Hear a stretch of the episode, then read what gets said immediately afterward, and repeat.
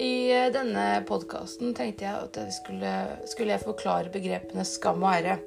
Eh, og vi skal se litt på hvem som oppnår skam og ære i de ulike tekstene vi har lest, og hvorfor de oppnår dette. Som sagt så har jo da jeg lest to tekster. En tekst fra nyere tid, og da valgte jeg 'Kunsten å myrde'. Og en tekst fra norrøn tid, som da valgte jeg 'Gunnlaug Ormstunge saga'. Eh, hvis vi skal starte rett på sak, da. Skam kan jo da beskrives som en følelse av nedverdigenhet. Du føler at du gjør noe feil utenfor, utenfor dine prinsipper og holdninger. da. Eh, og du føler på denne, kanskje denne mislykketheten. Ære derimot handler litt mer om at du får denne respekten, denne rosen og gode tilbakemeldinger eh, og godt rykte i f.eks. samfunnet. Hvis vi går rett på sak og starter med 'Kunsten å myrde', da. 'Kunsten å myrde' er eh, en av de nyere tekstene jeg leste, som er skrevet av forfatteren Cora Sandel. Um, I denne teksten så ser vi da at det er Germaine som oppnår skam, men mens det er familien til Germaine som oppnår både denne skammen og æren. Eh, jeg skal si litt mer om hvorfor det senere, men jeg tenkte jeg skulle først fortelle dere litt mer om handlingsreferatet i denne novellen. Um, novellen handler da om krigsenken Francine, som nettopp har mistet eh, sin kusine Germaine til selvmord. Francine eh, var en tjenestepike og arbeidet for en eldre og rik kvinne. Vi vet ikke hva denne kvinnen heter, men hun blir kalt for madame gjennom hele novellen. Og gjennom novellen opptrer Francine veldig glad og takknemlig for at eh, hennes kusine Germaine tok livet sitt. Da. Hun virker verken trist eller lei seg for at dette skjedde.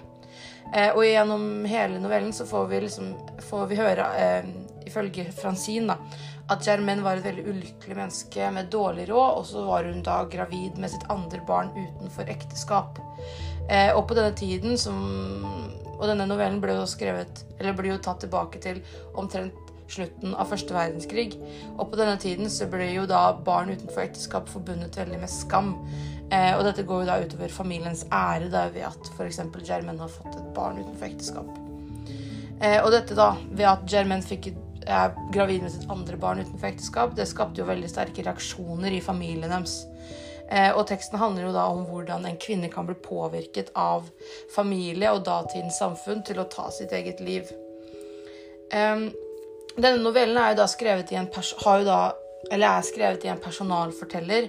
Synsvinkelen blir jo da sett gjennom eh, madame sine øyne, fordi det er madame som er jeg-personen. Å være en personalforteller vil jo da si at man eh, at det er fortelleren da, som er med i handlingen, og hun refererer til sine egne tanker og følelser. Eh, det er viktig å påpeke at dette er jo ikke madame sin historie. Det er jo ikke hun som type er hovedpersonen, men hun er jo da med på å hjelpe oss med å forstå hva som egentlig skjedde med Germaine, da, ved at hun stiller sånne kritiske spørsmål til Francine gjennom hele novellen. Eh, og gjennom Madame sine øyne så kan vi da si at det er familien til Germaine som oppnår skam. Og det er fordi at det er pga. familien hennes at Germaine tok sitt eget liv. Det er um, fordi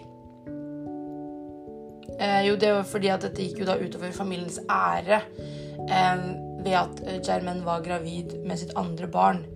Så gjennom eh, madame sitt synsvinkel, så vil jo da jeg si at vi får en sånn følelse av at familien burde skamme seg for måten de oppførte seg overfor Germaine, ved at hun satt, var liksom alene og fikk liksom ikke denne hjelpen og kanskje den trøsten trengte. da de, Hun ble liksom sett på litt som, som en sånn raring som har fått et eget barn, og de skammet seg veldig mye over hun da. Um, hvis man ser det fra et, kanskje fra et annet synspunkt, da, f.eks. hvis man ser det sånn generelt når man har lest teksten, bare sånn hva som egentlig har skjedd, så vil jeg jo da si at eh, det er jo Germaine som kanskje har oppnådd denne skammen ved at hun tok sitt eget liv. Fordi som sagt så blir jo skam eh, beskrevet som en følelse av nedverdigenhet og mislykkethet. Og Germaine har jo da følt på denne, disse følelsene fordi hun følte seg jo såpass alene. Eh, og det er jo fordi at hun ikke fikk noe støtte fra familien. Eh, og familien vil jo da kanskje føle på denne æren da, overfor Germain fordi at de følte at, at de kanskje hadde en så stor Eller at de hadde denne høye respekten da, overfor Germain at hun valgte å ta sitt eget liv. Um, og at de kanskje Ja, at hun, ja de fikk denne respekten, da. Uh, og så har vi da den eldre teksten, eller fra norrøn tid, og da valgte jeg som sagt Gunnlaug Ormstunge. I denne sagaen så møter vi da på mange personer, men de tre viktigste er jo da Gunnlaug, Ravn og Helga. Og dette er jo da en kjærlighetshistorie om trekantarama mellom de to unge mennene da, som kjempet om den samme jenta, Helga den fagre. Eh, handlingsreferatet er jo da at Gunnlaug er jo sønnen av Illuge Svarte, som er en ish, eh, isk, faktisk, en islandsk stormann. Gunnlaug ville jo da reise og oppdage verden, men dette fikk han jo ikke lov til av faren sin.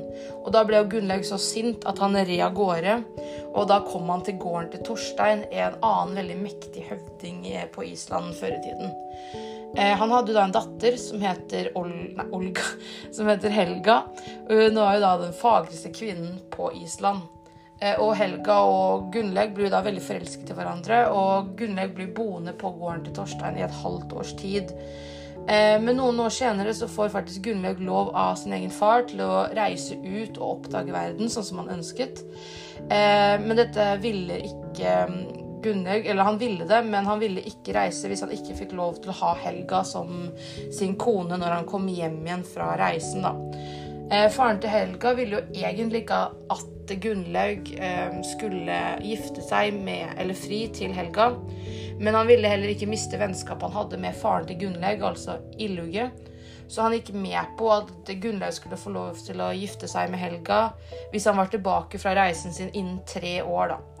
Eh, Gunnlaug han dro da ut på en reise og reiste til Norge, England, Nordsjøøyene, og så dro han videre opp til Uppsala i Sverige. Eh, og der, eller da, der svenskekongen oppholder til, da, i Uppsala. Og her møter Gunnlaug på en som heter Ravn, som også er en annen islending som er ute på reise. Men han reiste ut før Gunnlaug, da. Eh, de ble jo da først eh, gode venner, men eh, det gikk ikke fort før de ble uvenner også.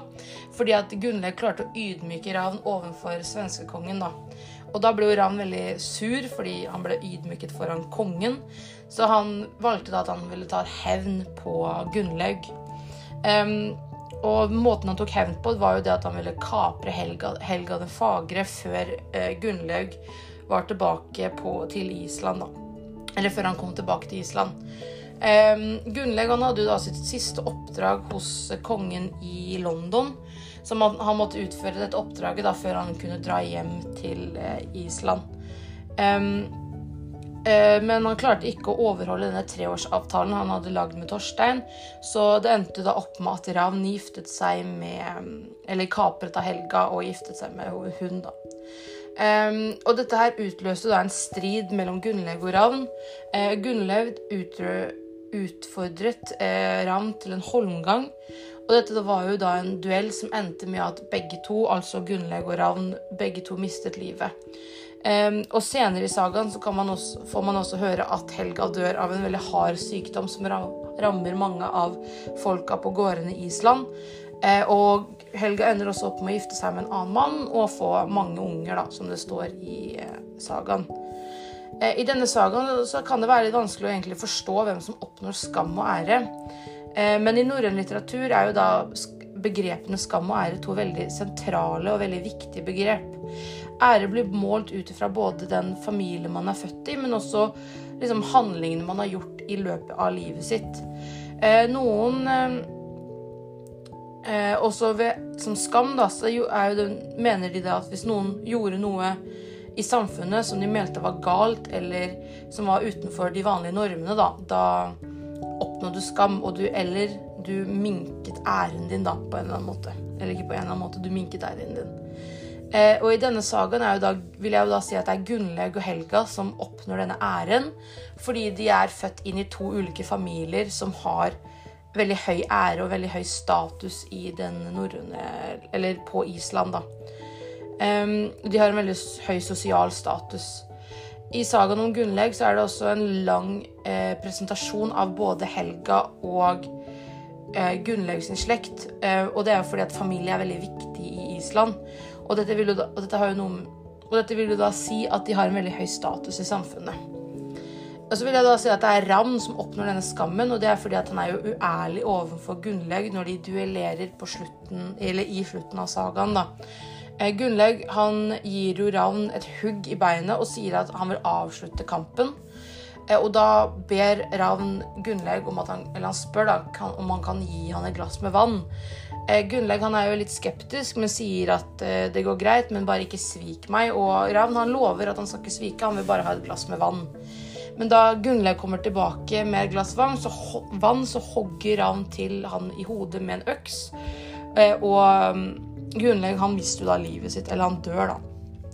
Eh, og det er jo ingen tvil eh, om hvem som oppnår skam og ære i den situasjonen. fordi at det er jo Gunnlaug han oppnår ære fordi han håndterer vel situasjonen hederlig og ærlig, mens Ravn han er jo da uærlig overfor eh, Gunnlaug og tar jo da livet av han når de ble enige om at de skulle bli ferdig med kampen.